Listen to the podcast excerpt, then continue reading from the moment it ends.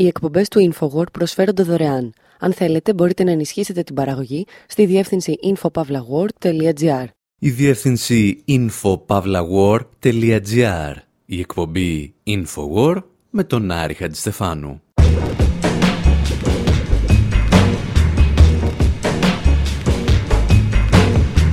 Όπου σήμερα σας προσκαλούμε σε ένα πάρτι που ξεκινά αυτό το Σάββατο 14 Δεκεμβρίου στο μπαράκι Cobra High στο Νέο Κόσμο και είναι στο χέρι σας να αποφασίσετε πόσο θα διαρκέσει.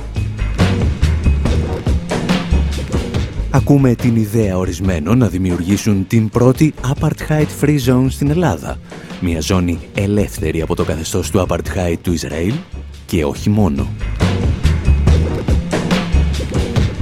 Ταξιδεύουμε στο Μπρίστολ της δεκαετίας του 80 και παρακολουθούμε πώς στείνονται αντιρατσιστικοί θύλακες δίπλα στους Massive Attack, τον Τρίκι, τους Portishead και τον Banksy.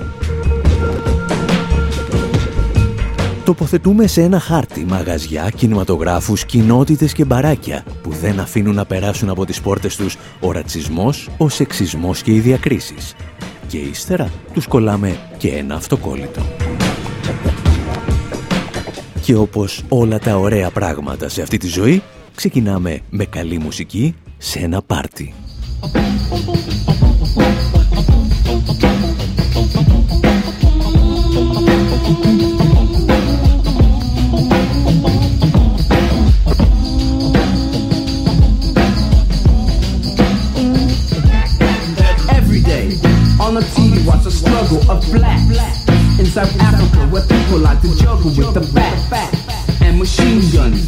Then act, act good. It's serious because my people they are suffering. Invited them to stay and repay by country.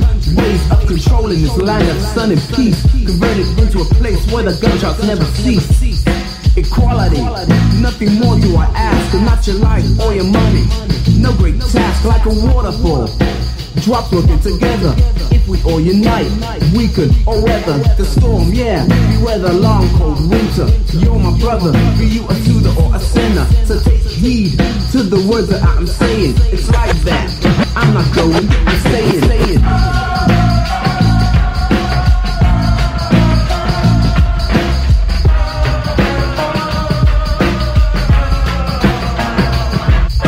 Settle, bad boy, you gotta settle. Because we sting you like nettle, we suit you with detto. But where did your cash come from? And your girl, what's your occupation? We got police and thieves on the streets. They're Just fighting each other with the guns and ammunition. Dance to the drummer's beats. Listen up this time, this is limited edition. Different kind of dialect, but not patois. In the party, got the white boy, you chat what you like on the mic with Judy calls. Just like the messages are painted on walls, that's in color. This is down in black and white, that's right. It's the fact, science type, it's the massive attack. You're on the right track. You know I'm white, but my brothers are black. Remember history, cause you know about slavery. Eat Caribbean, cause you like it savory. Uh-oh sometimes forget what color they are, but it's for them to discover and respect, not resent. In order to protect and prevent our kids not knowing the facts that were hidden from us in an act to keep us mellow and calm, save them from harm. Make us this song, tried to fool us with charm. We ran fast apart harder, but they still kept us back. Not for some. Τα παιδιά που ακούτε να τραγουδούν για την Νότια Αφρική και το ρατσιστικό καθεστώς του Apartheid ονομάζονταν The Wild Bands και ήταν μια συνένωση μουσικών και DJs που μεσουρανούσαν στο Bristol της Μεγάλης Βρετανίας στα μέσα της δεκαετίας του 80 και ανάμεσά τους συναντούσαμε αρκετά από τα ονόματα που λίγα χρόνια αργότερα θα δημιουργούσαν τους Massive Attack.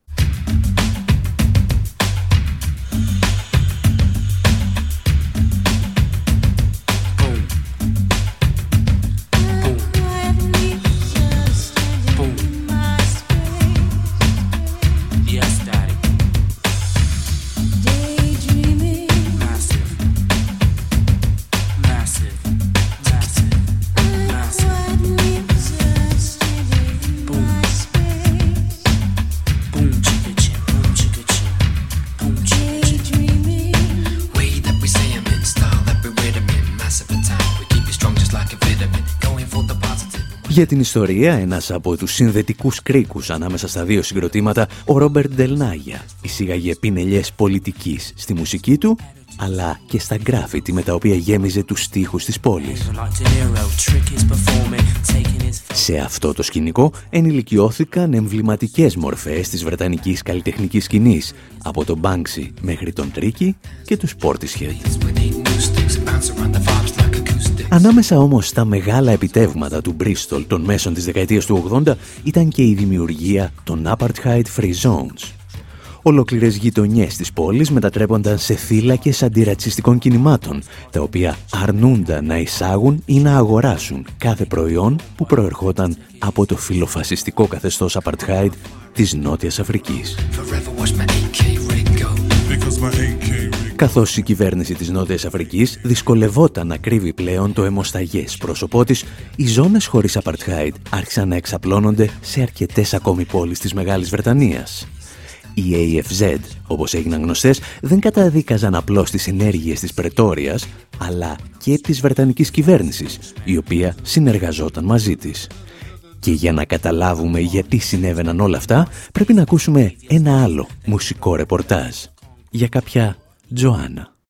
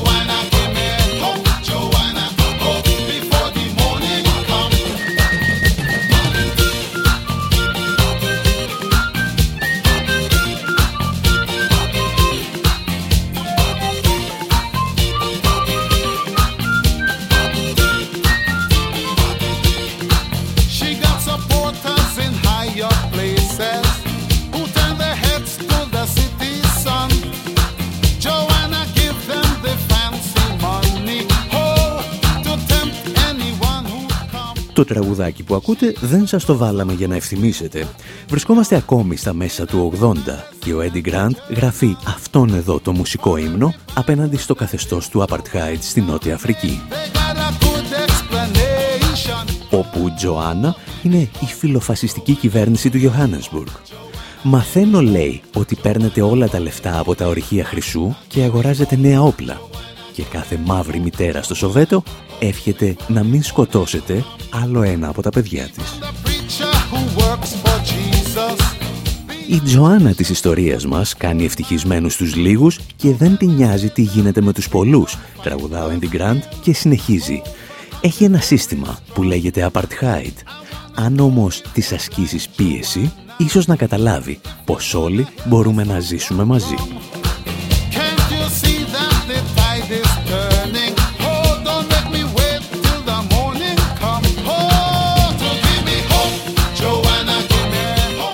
Το καθεστώς του Apartheid για το οποίο τραγουδά ο Eddie Grant δημιουργείται το 1948.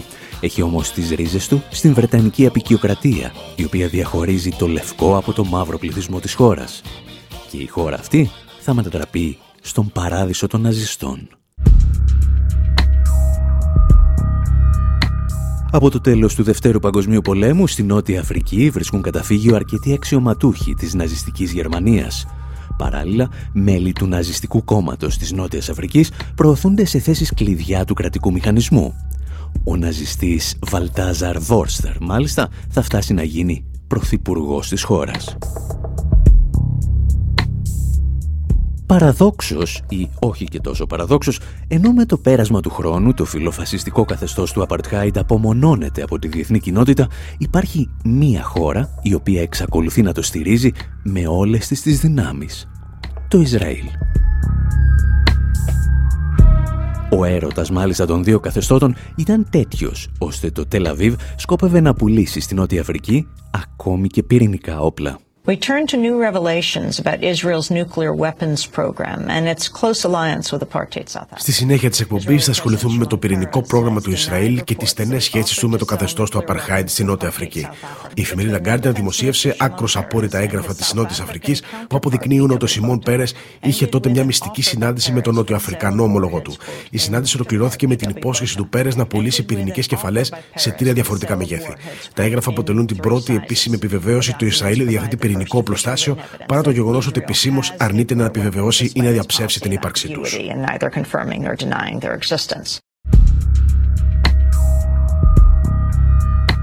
Το Ισραήλ δεν θα επιχειρήσει απλώς να μετατρέψει το φιλοφασιστικό καθεστώς της Νότιας Αφρικής σε πυρηνική δύναμη. Όταν αυτό το καθεστώς θα καταρρεύσει, το Ισραήλ θα έρθει να το διαδεχθεί. Τα έλεγε εδώ και τουλάχιστον μία δεκαετία ακόμη και ο Αμερικανός πρώην πρόεδρος Τζίμι Κάρτερ.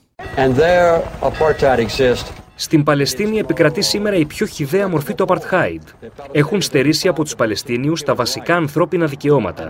Έχτισαν περίπου 200 επικισμούς που συνδέονται με αυτοκινητόδρομους, κάνοντας την περιοχή να θυμίζει μία κερίθρα ή έναν ιστό αράχνης.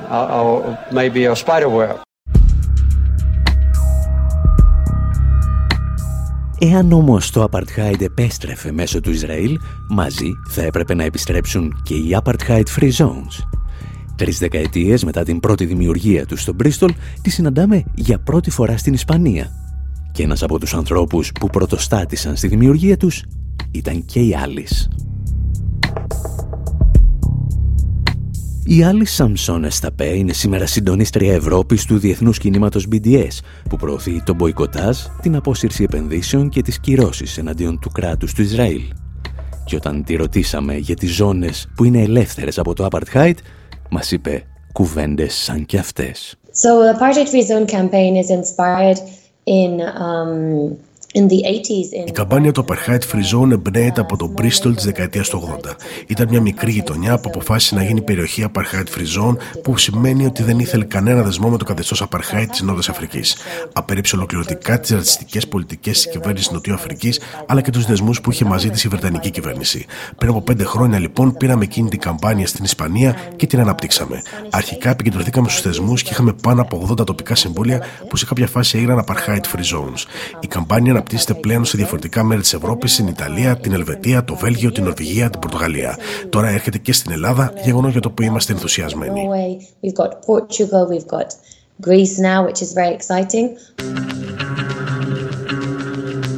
Πριν περάσουμε όμως σε όσα συμβαίνουν στην Ελλάδα, ζητήσαμε από την άλλη μερικές ακόμη λεπτομέρειες για το τι ακριβώς είναι μια apartheid free zone. An apartheid free zone is either a social or cultural institutional zone. Anything can be an apartheid free zone that decides to give no space to apartheid. Μια apartheid free zone είναι ένας κοινωνικός ή πολιτικός χώρος οποιασδήποτε μορφής που αποφασίζει να μην δώσει χώρο στο apartheid. Αυτό σημαίνει πως δεν έχει κανένα δεσμό με το Ισραηλινό apartheid και καταδικάζει το ρατσισμό και τις διακρίσεις οποιασδήποτε μορφής. Οτιδήποτε μπορεί να γίνει apartheid free zone και να συνδεθεί με το δίκτυο των apartheid free zones σε διεθνές επίπεδο. Υπάρχουν πολλοί χώροι που είναι σύμμαχοί μας που ήδη δεν έχουν κανένα δεσμό με το κράτος του Ισραήλ και άλλοι που είναι έτοιμοι να ακυρώσουν σχετικά συμβόλαια ή άλλους δεσμούς. Έχουμε για παράδειγμα στη Βαλένσια ένα κινηματογραφικό φεστιβάλ που έγινε Apartheid Free Zone. Είναι ένα πολύ πετυχημένο παράδειγμα πολιτισμού μποϊκοτάζ. Έχουμε επίσης εστιατόρια, συνδικαλιστικές οργανώσεις, μπαρ και σινεμά, γεγονός που δείχνει το πόσο ποικιλόμορφο και διαφορετικό μπορεί να είναι το Apartheid Free Zone. And this is a good example of how uh, varied and, and different um, this can be. Τα Apartheid Free Zone άρχισαν λοιπόν να επεκτείνονται από την Ισπανία σε ολόκληρη την Ευρώπη. Και από αυτό το Σάββατο θα τα γνωρίσουμε και στην Ελλάδα. Την εισαγωγή σε αυτό το κεφάλαιο θα κάνει για εμάς ο Phil Diamond, τον οποίο ακούμε και επιστρέφουμε.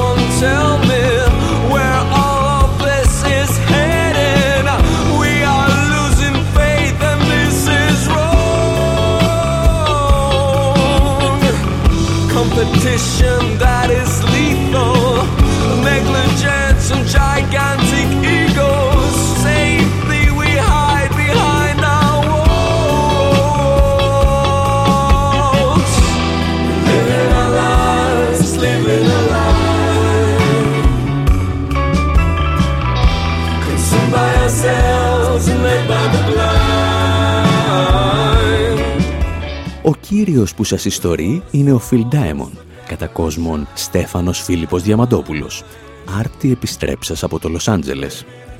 Και ίσως να τον θυμάστε και από ελαφρώς παλαιότερες συνεργασίες του με συγκροτήματα όπως η The Bet και πολλά πολλά ακόμη.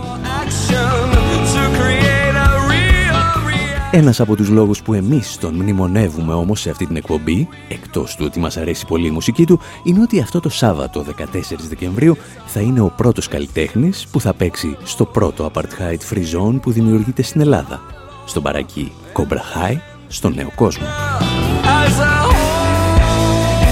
Η πρωτοβουλία ανήκει, όπως μπορείτε να φανταστείτε, στο BDS Greece, το ελληνικό τμήμα του Διεθνούς Κινήματος για τον Μποϊκοτάζ, την απόσυρση επενδύσεων και τις κυρώσεις εναντίον του κράτους του Ισραήλ.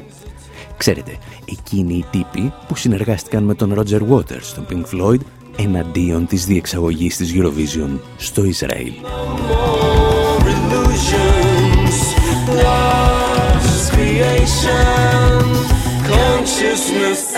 Το Cobra High λοιπόν, το μπαράκι στην Μενέχμου 3Β στο νέο κόσμο, μετατρέπεται στην πρώτη Apartheid Free Zone της Ελλάδας και θα ακολουθήσουν πολλές πολλές ακόμη.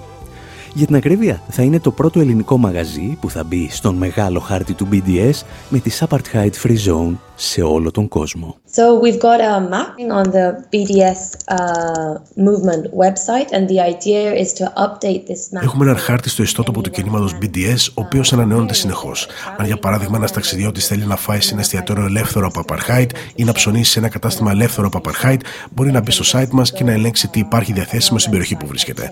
Υπάρχουν επίσης και οι περιφερειακές μας ομάδες. Οι Ισπανοί έχουν ένα χάρτη στο δικό τους site, το ίδιο και οι Νορβηγοί, οπότε η ιδέα είναι να μπορούν οι άνθρωποι που ταξιδεύουν να έχουν εύκολα πρόσβαση σε αυτές τις πληροφορίες. People when they're traveling to be able to access this information easily. Apartheid Free Zone, όπως μας εξηγούσε νωρίτερα η Άλλη, μπορεί να είναι οποιοδήποτε χώρος. Από ένα καφέ μέχρι ένα δήμο και από μια γκαλερί μέχρι ένα καλλιτεχνικό φεστιβάλ. Και το σημαντικότερο, δεν αφορούν μόνο το Ισραήλ και τα ανθρώπινα δικαιώματα των Παλαιστινίων. What's so powerful about this campaign is that it allows us to build Αυτό που κάνει την καμπάνια τόσο δυνατή είναι ότι μας επιτρέπει να δημιουργήσουμε ασφαλή χώρο για όλους. Είμαστε κατά του apartheid, κατά του ρατσισμού, κατά του σεξισμού, είμαστε ενάντια σε κάθε μορφή διακρίσεων. Αυτό μας βοηθά να χτίσουμε ισχυρές συμμαχίες με queer, φεμινίστηρες, αντιφασίστες, αλλά και ομάδες που μάχονται για κλιματική δικαιοσύνη. Σε αυτούς τους χώρους λοιπόν οι αγώνες ενώνονται και είναι σημαντικό να γίνει αυτό, καθώς βρισκόμαστε σε μια εποχή που οι καταπιεστές μας είναι πιο διασυνδεδεμένοι από ποτέ. Είναι ανάγκη να χτίσουμε αυτή την ισχυρή προοδευτική βάση όπου ζητάμε σεβασμό για τα δικαιώματα όλων. progressive base where we call for respect for rights for everyone. Εάν έχετε λοιπόν και εσείς κάποιο χώρο ή κάποια διοργάνωση που θέλει να γίνει Apartheid Free Zone, το πρώτο βήμα είναι να έρθετε στο πάρτι που διοργανώνει το BDS Greece το Σάββατο 14 Δεκεμβρίου στο Κομπραχάι, στο Νέο Κόσμο. Εάν πάλι δεν είστε στην Αθήνα ή για λόγους που δεν μπορούμε να κατανοήσουμε χάσετε το πάρτι, όλες οι πληροφορίες είναι διαθέσιμες στη διεύθυνση bdsgreece.net. Εμείς σας αφήνουμε με ολίγη ακόμη από τη μουσική του Phil Diamond και επιστρέφουμε στο δεύτερο μέρος με άλλες ιστορίες.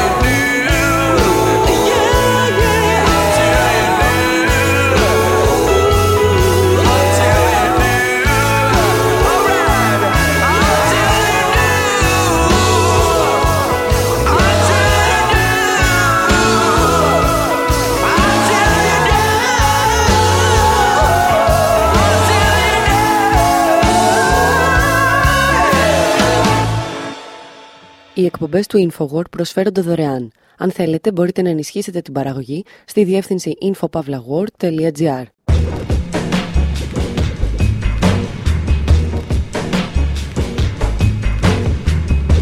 όπου σήμερα προσπαθούμε να υπολογίσουμε πόσα εκατομμύρια ευρώ κερδίζει το Ισραήλ από κάθε παιδί που σκοτώνει στη Γάζα.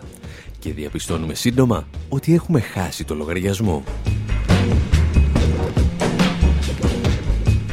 Υποπτευόμαστε ότι η λωρίδα της Γάζας δεν είναι εικόνα από το παρελθόν των συνοριακών συγκρούσεων, αλλά από το μέλλον της αστυνομικής καταστολής. Και φεύγουμε γι' αυτό για τις φαβέλες του Ρίο Ντετζανέιρο. Ρωτάμε για όλα αυτά και τη γνώμη του Μπομπ Ντίλαν και τον αφήνουμε να πετάει χώμα στον τάφο των εμπόρων όπλων.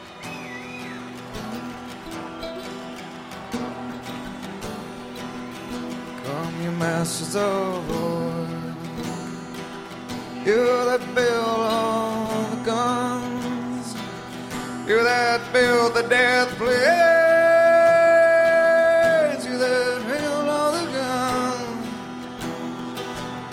you that hide behind walls,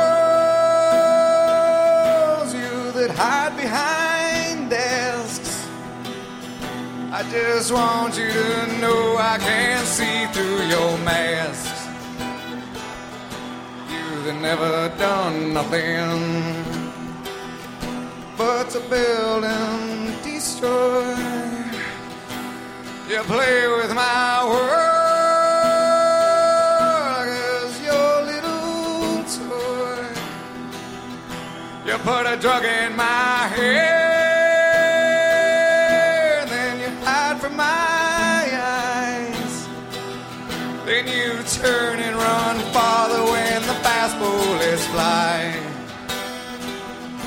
Like Judas Salvo, you lie in D.C. A world war can be won. You want me to believe, but I see through your eyes, and I see through your like I see through the water that runs down my drain. You that fasten all the triggers for oh, the others to fire. Then you sit back and watch while the death count gets higher. You hide in your mansion while young people's blood flows out of their bodies and is buried in the mud. You've thrown the worst fear that could ever be hurled. The fear to bring children into this world for threatening my baby. I'm born in a name. You ain't worth the blood that runs in your veins.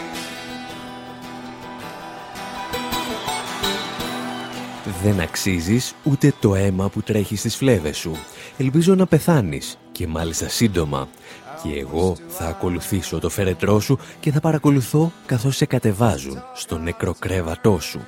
Θα κάτσω πάνω από τον τάφο σου για να είμαι σίγουρος ότι έχεις πεθάνει.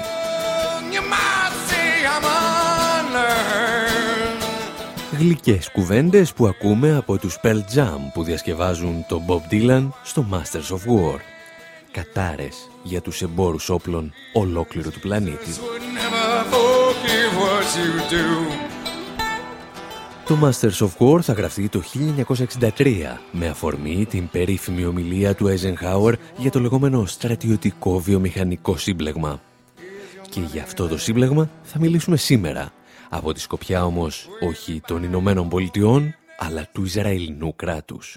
Using an advanced observation platform, which you can all see here, the target is positively identified. Έχουμε επιστρέψει στο 2009, αμέσως μετά την Ισραηλινή επιχείρηση Cast Lead.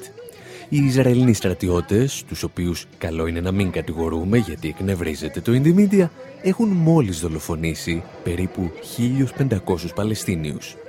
Και όπως πάντα, στη συντριπτική τους πλειονότητα είναι άμαχοι, γυναίκες και παιδιά. Η δική μας ιστορία όμως δεν εκτιλήσεται στη Γάζα. Με τη βοήθεια του ντοκιμαντέρ The Lab έχουμε μεταφερθεί στη Γαλλία, σε μία από τις μεγαλύτερες εκθέσεις αμυντικών συστημάτων της Ευρώπης. Μία ευηδής νεαρά από το Ισραήλ παρουσιάζει σε εμπόρους όπλων και στρατηγούς τα νέα τεχνολογικά επιτεύγματα της Ισραηλινής πολεμικής βιομηχανίας. Ποιο είναι το βασικό επιχείρημα όλων σχεδόν των Ισραηλινών πολιτών όπλων για την ποιότητα των προϊόντων τους. Μην ανησυχείτε, τα έχουμε δοκιμάσει σε ζωντανούς Παλαιστίνιους. Τα εξηγούσε όμως πολύ καλύτερα ο Ισραηλινός οικονομικός αναλυτής Σιρ Χέβερ, μιλώντας στο ανεξάρτητο δίκτυο Real News Network. These are companies that their, their motto Uh, uh, το επιχειρηματικό μοντέλο των εταιριών ασφαλείας του Ισραήλ στηρίζεται στην κατοχή των Παλαιστινιακών εδαφών. Όταν παρουσιάζουν τα προϊόντα τους σε εκθέσεις οπλικών συστημάτων σε όλο τον κόσμο, εξηγούν ότι έχουν δοκιμαστεί από τον Ισραηλινό στρατό σε αληθινούς ανθρώπους. Κάθε όπλο λοιπόν περνά πρώτα από τον Ισραηλινό στρατό που το δοκιμάζει στους Παλαιστίνιους και ύστερα μπορεί να απολυθεί.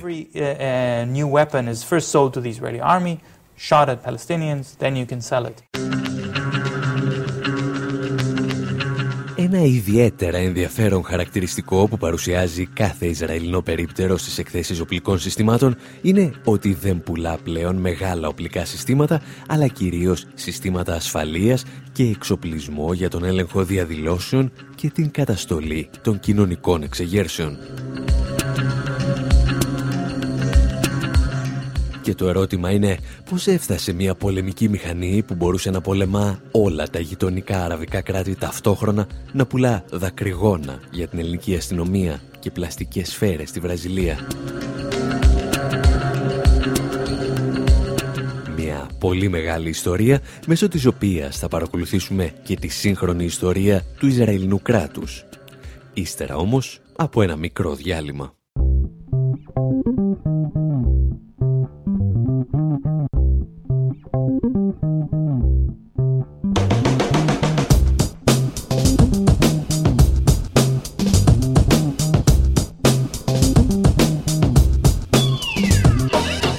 Last night, sweat on my head. I heard a voice inside, and that voice said, What have you done all up to now? Where have you gone? Is all this how? You wanna live and you. And over, and I ask you why, what will you answer? What will you say? Where will you go to at the end of May?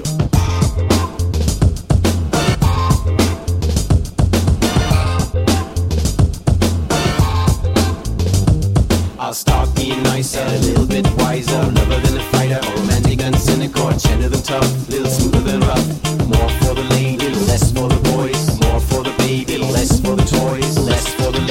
More for the boys. I got to get rid of some of the things I thought I never could get rid of. I got to get rid of some of the things I thought I never could get rid of. I got to get rid of some of the things I thought I never could get rid of. I got to get rid of some of the things I thought I never could get rid of. Pouring the snoring, the playing, the swaying, the running, the hunting, the smoking, the broken, the cheating, the beating, the cussing, the fleeing, the tripping, the skipping, the masturbating, the beating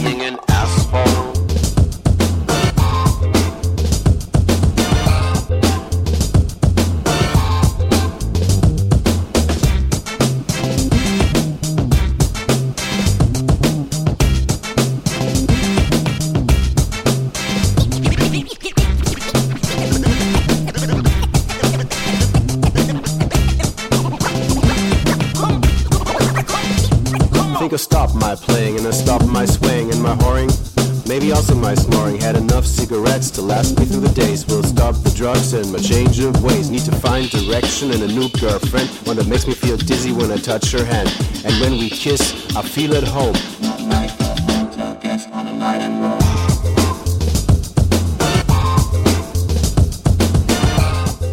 Στην εκπομπή Infowar με τον Άρη Χατζηστεφάνου παρακολουθούμε την ιστορία της πολεμικής βιομηχανίας του Ισραήλ, η οποία τυχαίνει να είναι παράλληλη με τη σύγχρονη ιστορία του ίδιου του κράτους του Ισραήλ. Και λέμε να ξεκινήσουμε αυτή την ιστορία από το 1967. Κάτιμα,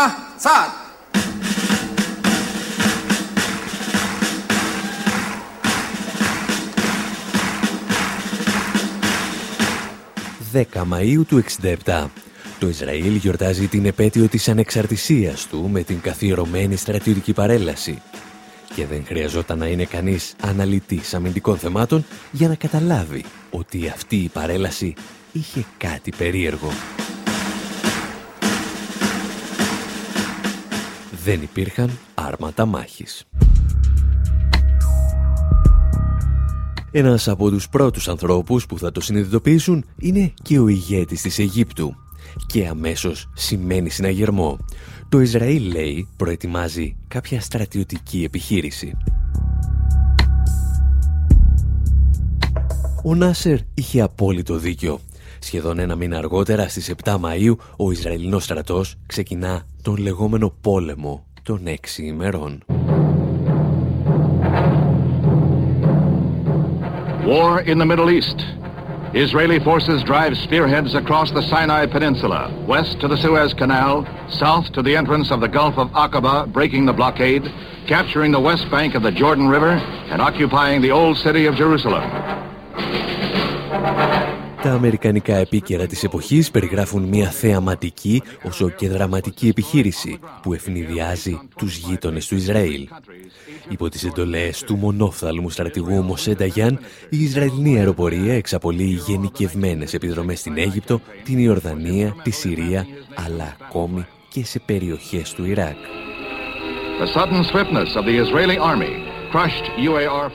Μέσα σε λίγες ώρες το Ισραήλ έχει καταστρέψει 25 αεροπορικές βάσεις των αντιπάλων του και έχει διαλύσει ολοκληρωτικά τουλάχιστον 400 αεροσκάφη τους. Η ολοκληρωτική νίκη θα έρθει σε έξι μόλις ημέρες. Πρόκειται για μία από τις πλέον σύντομες και σαρωτικές νίκες στην παγκόσμια ιστορία του πολέμου. Μαζί όμως με τη σαρωτική νίκη του Ισραήλ προκύπτει και ένα μικρό προβληματάκι. Τα εξηγούσε και πάλι ο Ισραηλινός οικονομικός αναλυτής Σιρ Χέβερ. Uh, there was a worry in Israel after uh, the occupation of 1967 because France, which was the biggest supplier of arms to Israel at the time, said they're going to embargo weapons sales to Israel. Το Ισραήλ ανησύγησε μετά την κατοχή του 1967, καθώς η Γαλλία, που αποτελούσε το βασικό του προμηθευτή σε όπλα, απειλούσε ότι θα προχωρήσει σε εμπάργκο εάν το Ισραήλ δεν αποχωρούσε από τα εδάφη που είχε καταλάβει. Από εκείνη τη στιγμή είπαν ότι θα πρέπει να έχουν αυτονομία στην παραγωγή όπλων και να κατασκευάζουν τα δικά τους άρματα μάχης, τα δικά τους πυροβόλα, όπλα και ούτω καθεξής. Αυτό που δεν γνώριζαν είναι ότι τελικά θα έβγαιναν κερδισμένοι από την κατοχή. Έξι χρόνια μετά την κατοχή, οι Ηνωμένες Πολιτείες αντικατέστησαν τη Γαλλία ως ο βασικότερος προμηθευτής οπλικών συστημάτων.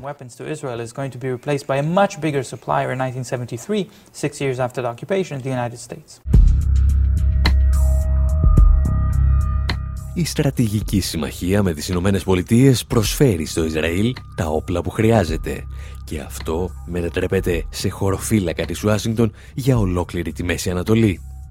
Για την Ισραηλινή πολεμική βιομηχανία όμως αυτή η σχέση παρουσιάζει και μερικά προβλήματα. Γιατί η Ουάσιγκτον μπορεί να μην είχε κανένα πρόβλημα να προσφέρει τα όπλα της στο Ισραήλ, είχε όμως πολλά προβλήματα όταν το Ισραήλ άρχισε να κατασκευάζει οπλικά συστήματα που ανταγωνίζονταν τα αμερικανικά. There were some attempts by the Israeli military companies to compete with the US military companies, which were crushed in the bud very quickly, and that shows exactly the... Υπήρξαν ορισμένες προσπάθειες από Ισραηλινές εταιρείες να ανταγωνιστούν την αμερικανική πολεμική βιομηχανία, αλλά αυτές ακυρώθηκαν από την πρώτη στιγμή. Αυτές είναι και οι περιπτώσεις όπου διακόπτεται η αμερικανική στήριξη προς το Ισραήλ. Όταν λόγω χάρη το Ισραήλ προσπαθούσε να πουλήσει στην Κίνα εξοπλισμό που περιέχει και αμερικανική τεχνολογία ή όταν προσπαθούσε να ανταγωνιστεί κάποια αμερικανική εταιρεία στην κατασκευή μαχητικών αεροσκαφών, η συμμαχία ΙΠΑ-Ισραήλ τερματιζόταν αυτόματα. That's the end of US-Israeli alliance, that right there. η αστική τάξη του Ισραήλ και η βιομηχανία όπλων στο Τελαβίβ θα αναγκαστούν να αποδεχθούν αυτή την πραγματικότητα. Στο εξής, τα οπλικά συστήματα που κατασκευάζουν είναι όπως λέμε συμπληρωματικά των Αμερικανικών. Οι Ηνωμένες Πολιτείες, λόγου χάρη, φτιάχνουν τα άρματα μάχης και τα F-16 και το Ισραήλ έρχεται να προσθέσει συστήματα πλοήγησης, νέους πυράβλους, καθρέφτες για την όπισθεν και ό,τι μπορεί να χρειάζεται ένα στρατός για να σπείρει το θάνατο. Η Ισραηλινή επιχειρηματικότητα όμως δεν κάμπτεται από τέτοια προβλήματα. Αν δεν μπορούμε να κατασκευάσουμε όπλα που χτυπάνε την Αμερικανική αγορά, σκέφτηκαν, θα πουλάμε σε καθεστώτα που κανένας άλλος δεν θέλει ή δεν μπορεί να πουλήσει. Αυτά όμως θα τα πούμε σε λιγάκι.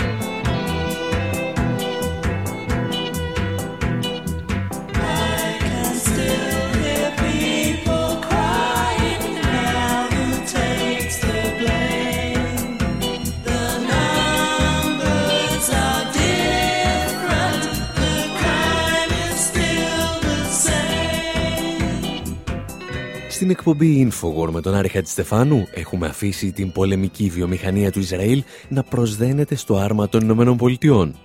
Και η μόνη εναλλακτική πραγματικής κερδοφορίας είναι πλέον να πουλάει όπλα στα πιο αυταρχικά καθεστώτα του πλανήτη. Εκεί που κανένας άλλος δεν θέλει να λασπώσει το όνομά του. Όπου υπήρχε δικτατορικό καθεστώς που σφαγίαζε τους πολίτες του ή πραγματοποιούσε επιθετικούς πολέμους στους γείτονές του, μπορούσε να ελπίζει στη στήριξη του Ισραήλ. Όπου υπήρχε διεθνές εμπάργκο για εγκλήματα κατά της ανθρωπότητας, το Ισραήλ ήταν εκεί για να τα σπάσει. Περίπου δηλαδή όπως έκαναν την ίδια περίοδο και ορισμένοι από τους μεγαλύτερους Έλληνες εφοπλιστές. Τα λέει όμως καλύτερα και από εμά ο Ισραηλινός αναλυτής Σιρ Χέβερ, μιλώντας στο The Real News Network. We're talking about the 60s, 70s, 80s, Israel sold weapons to Rhodesia, which αν γυρίσουμε πίσω στις δεκαετίες του 60, του 70 και του 80, θα δούμε ότι το Ισραήλ πουλούσε όπλα στη Ροδεσία, η οποία είχε ένα καθεστώς όμοιο με αυτό του Απαρχάιτ. Στη Νότια Αφρική επίσης έσπαγε το εμπάρκο απροκάλυπτα. Πουλούσε επίσης όπλα στη Γουατεμάλα κατά τη διάρκεια του εμφυλίου πολέμου και στη Χιλή επί δικτατορίας Πινοσέτ. Όλες οι χώρες που είχαν προβλήματα να αγοράσουν όπλα από τις μεγάλες εταιρείες μπορούσαν πάντα να στραφούν στο Ισραήλ.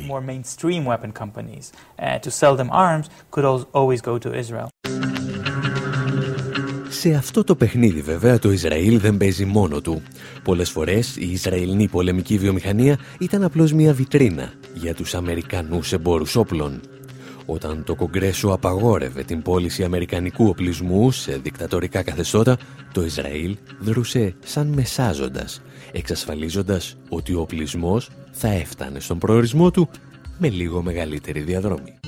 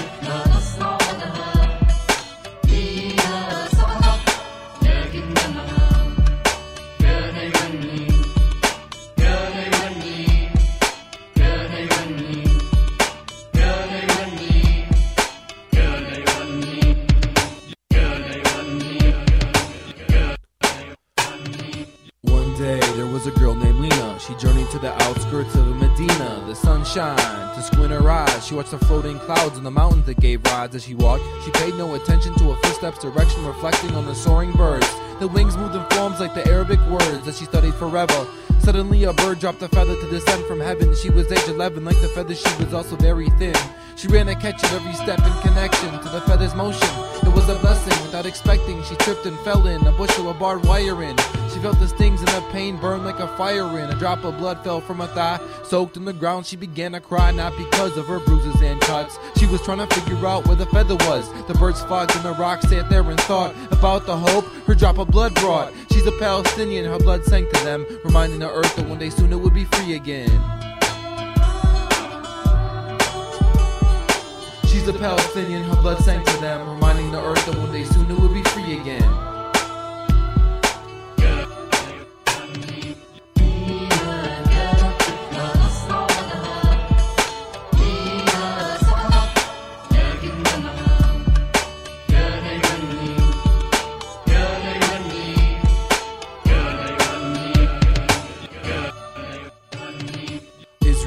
Take a look in the mirror. They doing us wrong, you can't get any clearer. They started this by moving into our homes. As descendants of the former residents fight with stones against tanks and refugee camps.